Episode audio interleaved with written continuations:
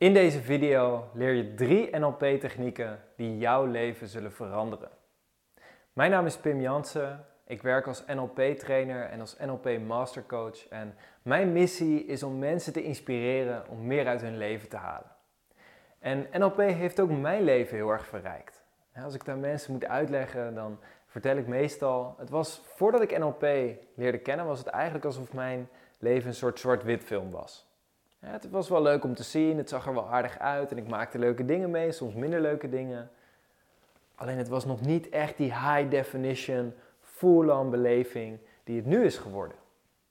En dat is wat NLP voor mij heeft betekend. Het was alsof dezelfde gebeurtenissen plotseling op een hele andere manier ervaren werden. En plotseling kwam er voor mij ook veel meer gevoel bij kijken.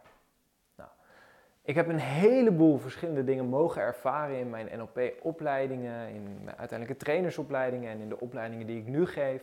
En om het echt te ervaren wat het allemaal te bieden heeft, zou je er eigenlijk meerdere dagen van je tijd in moeten investeren. Alleen in deze video leer je drie krachtige technieken die je direct kunt toepassen, die de kwaliteit van je leven al heel erg kunnen veranderen. Ben je er klaar voor? Laten we dan aan de slag gaan. De eerste NLP-techniek die voor mij heel veel heeft betekend en die ook voor jou heel veel kan betekenen in de kwaliteit van je leven, is herkaderen.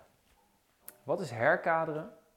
Herkaderen is het door middel van taal veranderen van de betekenis van dingen. Het is namelijk zo, ik heb steeds meer gerealiseerd de afgelopen jaren dat niets in het leven een betekenis heeft totdat we het zelf een betekenis geven. Er gebeuren in ons leven allerlei dingen. Grote dingen, kleine dingen. En we zijn vaak geneigd om daar een label op te plakken. Om te zeggen, dit is goed en dit is slecht. Dit is goed en dit is slecht. En als het over hele simpele, kleine dingen gaat, dan kan het zijn zoals de zon schijnt, oh, dat is goed, en het regent, dat is slecht. Uh, ik stap op een vrolijke manier uit bed, dat is goed, en ik stoot meteen, dat is slecht. dus we hebben continu die indeling, dit is goed, dit is slecht. Terwijl wanneer we werkelijk eerlijk naar onszelf zijn en gaan kijken van hé, hey, wat voor betekenis hebben dingen nou daadwerkelijk, dan komen we er vaak achter dat de wereld niet zo zwart-wit is als dat we soms denken. Soms zijn er dingen die we op een bepaald moment ervaren als dit is het meest verschrikkelijke, slechte wat me ooit kan overkomen.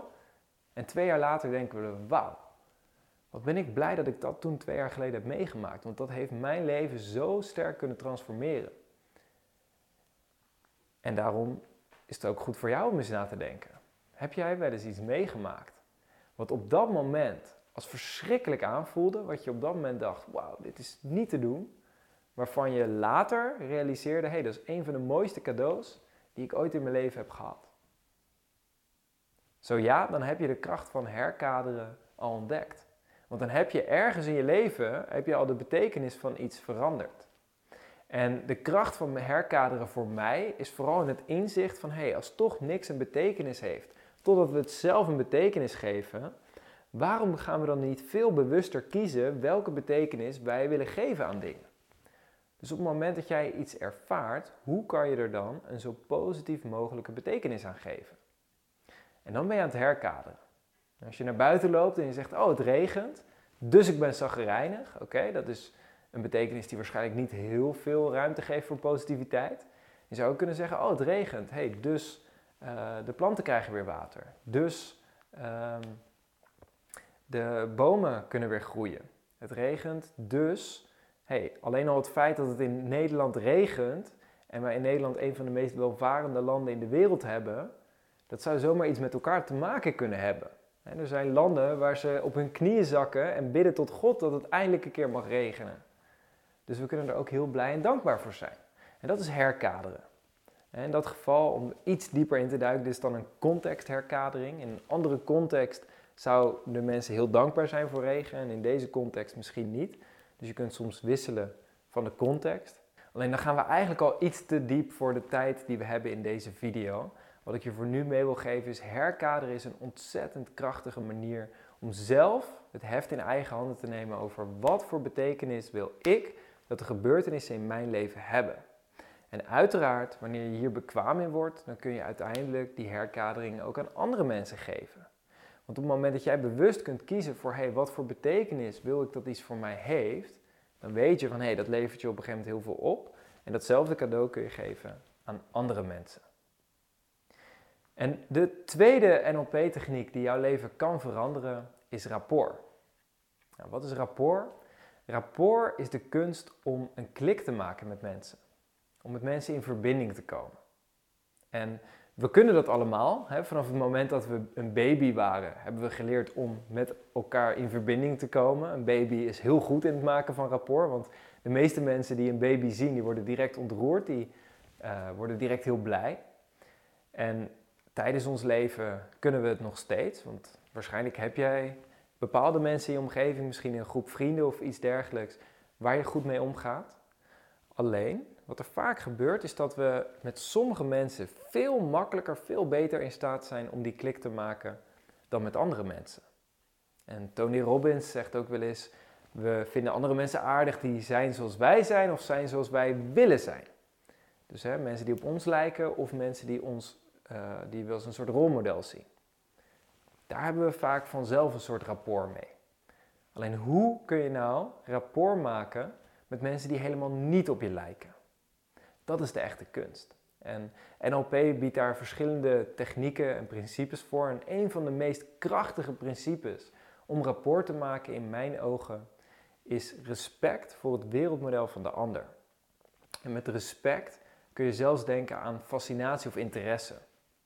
In plaats van een ander te beoordelen op, oh, jij bent anders dan ik, je denkt op een andere manier na. En dat kan gaan over hele grote dingen zoals religie, je hebt een andere religie dan ik. Het kan ook gaan over denkstijlen. Oh, jij denkt zo globaal, terwijl ik heel erg op de details gericht ben. We kunnen niet met elkaar matchen. In plaats daarvan juist te denken, hey, wat fascinerend. Wat interessant dat jij op een andere manier nadenkt. Wat zou ik van jou kunnen leren? En dat is een hele krachtige manier om in het leven te staan. En uiteindelijk een manier om met vrijwel iedereen die je ontmoet, rapport of wel een klik te kunnen maken. Nou, verder zijn er nog wat technische dingen die je zou kunnen leren, zoals spiegelen en backtracken. Dat zijn verschillende NLP-technieken om rapport te kunnen maken. Alleen in mijn ogen is het fundament wat daar aan ten grondslag ligt, is altijd de intentie en de aandacht die je richting de andere persoon hebt. Een heel mooi voorbeeld hiervan is, ik was een paar dagen geleden de serie uh, Who is God van Morgan Freeman aan het kijken op Netflix. En Morgan Freeman is een van de beste personen die ik ooit gezien heb in het maken van rapport. Hij is fenomenaal in het maken van een klik. En wat hij doet in deze serie, het gaat over het vinden van God. En hij bezoekt allerlei verschillende religies. Hij uh, interviewt wetenschappers. Hij interviewt mensen die bijvoorbeeld een bijna doodervaring hebben gehad. En hij interviewt zelfs mensen die in een zwaar bewaakte gevangenis zitten. En al die verschillende mensen waar hij mee praat in die serie, met bijna iedereen weet hij een klik te maken tot het lijkt alsof ze de allerbeste vrienden zijn. Ja, dat is echt rapport maken. Dat is echt een connectie kunnen maken met verschillende mensen. En dat is in mijn ogen een van de krachtigste dingen die je kan leren in je leven, omdat de kwaliteit van je relaties voor een heel groot deel de kwaliteit van je leven ervaart. Dus op het moment dat je goed wordt in rapport, dan word je goed in een leuk leven leiden. De derde NLP-techniek die jouw leven zal veranderen is visualisatie. En nu ben ik eigenlijk stiekem een beetje aan het vals spelen. Want tijdens een NLP-opleiding en in heel NLP bij elkaar zijn er meer dan 100 verschillende visualisatietechnieken. Dus om visualisatie als één techniek te zien is een klein beetje een generalisatie. Alleen visualisatie is zo essentieel. Visualisatie is gigantisch krachtig, omdat ik geloof dat wanneer je iets maakt in je leven, wanneer je iets creëert in je leven, doe je dat altijd eerst hier. Altijd eerst in je hoofd en daarna in de externe realiteit. Stel je voor je bent een architect en je wil een brug bouwen. Dan zou je kunnen zeggen, oké, ik pak een paar stenen, ik pak een hamer en ik ga timmeren totdat ik op een gegeven moment een brug heb. Of je zou kunnen zeggen, wacht eventjes. Ik ga eerst goed nadenken, ik ga eerst een beeld creëren in mijn hoofd van hoe wil ik dat die brug eruit ziet. Vervolgens teken ik die brug een paar keer op papier of op de computer tegenwoordig. Laat ik er een paar berekeningen op los, blijf ik het verbeteren tot dat beeld van die tekening perfect overeenkomt met het beeld wat ik in mijn hoofd heb en de verwachting van wat ik zou willen, hoe die brug eruit ziet. En wanneer dat allemaal gebeurd is, dan ga ik daadwerkelijk die brug bouwen.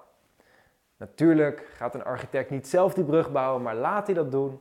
Alleen, you get the point. Hetzelfde gebeurt bijvoorbeeld bij de Olympische Spelen.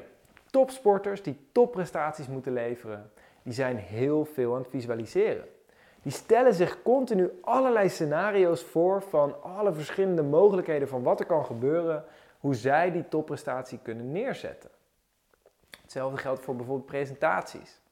Op het moment dat je op school of op je werk een bepaalde presentatie hebt te geven, dan kun je die mentaal voorbereiden. Ikzelf, ongeveer de helft van de tijd ben ik mijn presentaties en trainingen en opleidingen fysiek aan het oefenen. En de andere helft van de tijd oefen ik het hier. En de kracht is op het moment dat je mentaal oefent en visualiseert, dan kun je daarmee veel meer dingen doen. Want dan kun je daadwerkelijk interacties visualiseren vragen visualiseren. Visualiseren hoe mensen op bepaalde dingen gaan reageren en hoe de energie bijvoorbeeld ergens wordt. Dus visualisatie biedt veel meer gelegenheid tot creativiteit. En het mooie is, visualisatie is niet alleen om te oefenen in bepaald gedrag. Hè, daar kan het heel goed voor gebruikt worden om bijvoorbeeld nieuwe vaardigheden aan te leren. Een visualisatie is voor allerlei dingen geschikt. Visualisatie kun je gebruiken om jezelf fantastisch te voelen om alleen maar, je hoeft alleen maar terug te denken aan de laatste vakantie die je hebt gehad, waar je je helemaal ontspannen, helemaal rustig voelde. En op het moment dat je ziet wat je toen zag, hoort wat je toen hoorde en voelt wat je toen voelde, dan zit je waarschijnlijk weer helemaal in datzelfde gevoel. En zo kun je talloze dingen doen met visualisatie. Visualisatie kan gebruikt worden om je goed te voelen, om meer liefde, geluk te voelen, Visualisatie kan gebruikt worden om bijvoorbeeld een gevoel van angst te verminderen of zelfs helemaal relaxed te worden vanuit een gevoel van angst of spanning. Visualisatie kan gebruikt worden om bijvoorbeeld overtuigingen te versterken of beperkende overtuigingen los te laten of te veranderen. Visualisatie kan gebruikt worden om je eigen zelfbeeld sterker te maken, zodat jij meer zelfvertrouwen voelt, meer in jezelf gaat geloven. En visualisatie heeft nog honderden andere dingen die het voor jou kan opleveren. Dus visualisatie is iets magnifieks. Iets wat zoveel op kan leveren op het moment dat je je erin verdiept. En hoewel je in bijvoorbeeld een NLP-opleiding talloze technieken leert om te visualiseren, wil ik je nu al adviseren, alleen al het kijken van deze video maakt al dat je gewoon simpelweg voor jezelf aan de slag kan gaan met visualisatie. Simpelweg jezelf iets zien doen vervolgens blijven verbeteren tot je daar helemaal tevreden over bent, maakt al dat je dat gedrag voor jezelf kan verbeteren. Daarnaast heb ik op dit YouTube-kanaal een heleboel verschillende meditatietapes staan, een heleboel verschillende visualisatieoefeningen, waarbij je bijvoorbeeld veel meer zelfliefde gaat ervaren, of bijvoorbeeld jezelf leert om nog beter te voelen, of bijvoorbeeld angsten voor jezelf vermindert. Dus al die mogelijkheden zijn er voor jou. Nou, verder, mocht je hier echt fysiek mee aan de slag willen, in de beschrijving hieronder vind je wat informatie over een eerstkomende NLP introductiedag, zodat jij kan ontdekken wat NLP voor jou in real life te bieden heeft en wat zelfs een hele NLP opleiding voor jou zou kunnen bieden op het moment dat je er 15 dagen mee aan de slag gaat om dit soort krachtige technieken in jouw leven te integreren. Voor nu wens ik je in ieder geval gigantisch veel succes, gigantisch veel plezier met het toepassen van deze drie NLP-technieken, namelijk het herkaderen, het maken van rapport die klikt met iedereen en visualisatie. Als je dit waardevolle content vindt, klik dan even op subscribe en meld je aan voor notificaties. Dan ben jij de eerste die nieuwe video's direct ontvangt. En zoals altijd, ik wens jou heel veel liefde en geluk toe en we zien elkaar snel. 叫